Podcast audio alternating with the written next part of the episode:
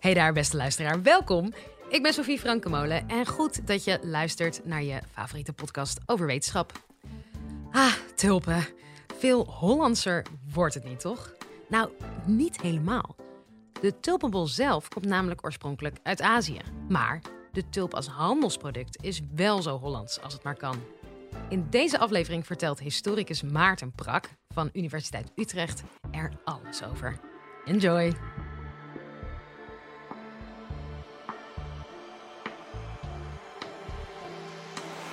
Live vanuit Club Air is dit de Universiteit van Nederland. Wat is er Hollandser dan een bosje tulpen? Wat veel mensen uh, makkelijk vergeten of misschien zelfs niet eens weten, is dat dit ook in economische zin zeer waar is. Nederlandse bloemenhandelaren beheersen 90, 90 van de wereldmarkt de wereldbloemenmarkt. En Nederland is mede dankzij die handel in bloemen de tweede agrarische exporteur ter wereld na de Verenigde Staten. Als je het oppervlakte van Nederland vergelijkt met dat van de Verenigde Staten en je beseft ook nog hoeveel mensen op dat kleine oppervlak van Nederland wonen, dan snap je hè, dat dit echt heel bijzonder is. Nou, dit is allemaal begonnen in de Gouden Eeuw. Want waar komt de tulp eigenlijk vandaan? Turkije, China, met andere woorden uit Azië. Het is een bloem die uiteraard in Nederland niet uh, inheems is. Nou, hoe het zover heeft kunnen komen dat Nederland een echt tulpenland werd, zoals gezegd, dan moeten we teruggaan naar de Gouden Eeuw en meer in het bijzonder naar 5 februari 1637, toen een veiling werd gehouden in Alkmaar. Die dag en de daaraan volgende dagen werd namelijk de boedel geveild van Wouter te Winkel. Een kroegbaas, een logementhouder, die kort daarvoor overleden was. Uh, en wiens kinderen zijn nalatenschap zouden erven. Maar die wilden niet al die spullen hebben, dus die spullen werden te koop aangeboden. En op die veiling kwamen mensen van heinde en verre. Mensen met interesse. Niet in de uh, stoelen en tafels uit het café van Wouter te Winkel, maar met belangstelling voor zijn tulpenverzameling. Want Wouter te Winkel beschikte over een grote verzameling bijzondere tulpen, waaronder de Semper Augustus. Semper Augustus was een heel zeldzame tulp. Uh, en hij, uh, Wouter te Winkel bezat een hele serie van die zeldzame tulpen. Hij was zeldzaam omdat hij een gestreept, gevlekt patroon had.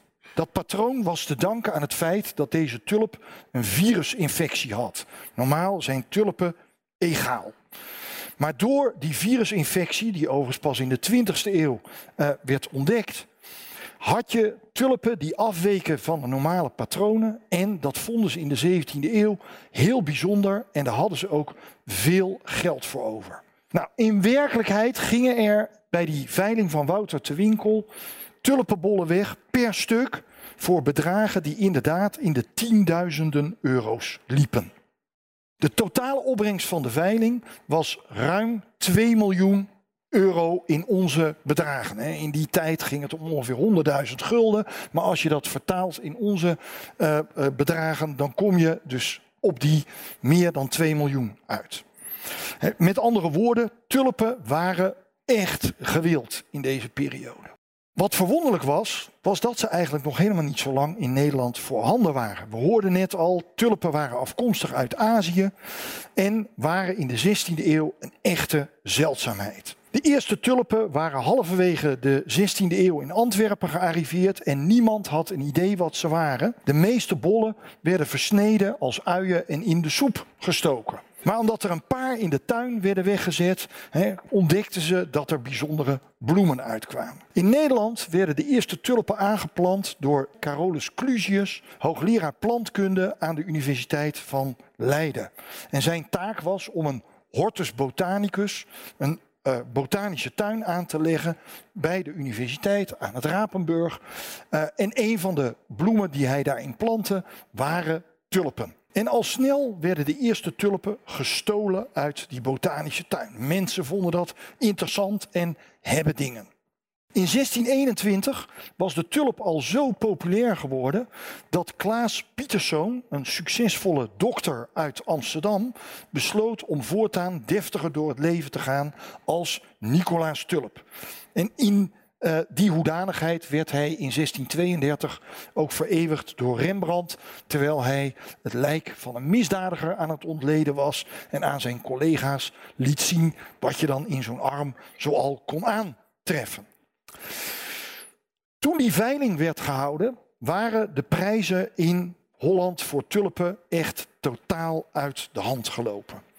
En eigenlijk terwijl in Alkmaar nog hele hoge bedragen werden geboden voor tulpen, begonnen elders in Holland de prijzen al te kelderen. En de kinderen van Wouter te Winkel hebben die 2 miljoen ook nooit gezien. Want de meeste mensen die die tulpen voor die bedragen kochten, die trokken zich terug, die moesten misschien een boete betalen, maar dat was toch allemaal veel minder. Dus het was eigenlijk een catastrofe voor de mensen die geld gestoken hadden of die dachten, hè, we gaan hier heel veel geld mee verdienen. Maar voor de Nederlandse economie was die tulpenspeculatie achteraf gezien eigenlijk een geweldige zegen. Want daardoor werd Nederland op de kaart gezet als tulpenland. Nou, waarom vertel ik dit allemaal? Omdat uh, die tulpen eigenlijk heel typerend waren voor de Nederlandse economie van de Gouden Eeuw. Aan de ene kant zie je er de welvaart in. Mensen konden veel geld uitgeven voor ja, hebben dingen, hè, want dat zijn er toch tenslotte, uh, als bloemen die bovendien uh, gingen verwelken. Met andere woorden, hè, die welvaart die stelde mensen in staat om uitgaven te doen waar ze normaal misschien uh, niet zo snel toe over zouden gaan. Wat ook heel typisch was voor de Nederlandse economie van deze periode, was dat er een breed draagvlak voor was. Niet alleen maar rijke lui gingen in de tulpenhandel, maar ook kroegbazen zoals Wouter ter Winkel. En het verhaal ging dat de enige zwarte tulp die in Holland voorhanden was, geteeld was door een schoenlapper uit Den Haag. Dus met andere woorden, ook een heel gewoon iemand. Nou, diezelfde verschijnselen zien we eigenlijk terug als we kijken naar de aandelen. Want ook de aandelen waren een uitvinding van de 17e eeuw. Daarvoor moeten we nog weer een stukje verder terug gaan in de tijd, namelijk naar uh, het jaar 1602 en om precies te zijn 5 augustus in dat jaar, de dag waarop in het huis van een Amsterdamse koopman genaamd Dirk van Os een register ter intekening werd gelegd waarop je geld kon inschrijven voor een reis naar Indië. Niet om zelf te reizen, maar voor een commerciële onderneming die handel wilde gaan drijven met het Verre Oosten, met de Indonesische archipel. Nou, in deze, door dat inschrijvingsregister ontstond eigenlijk voor het eerst zoiets als aandelen.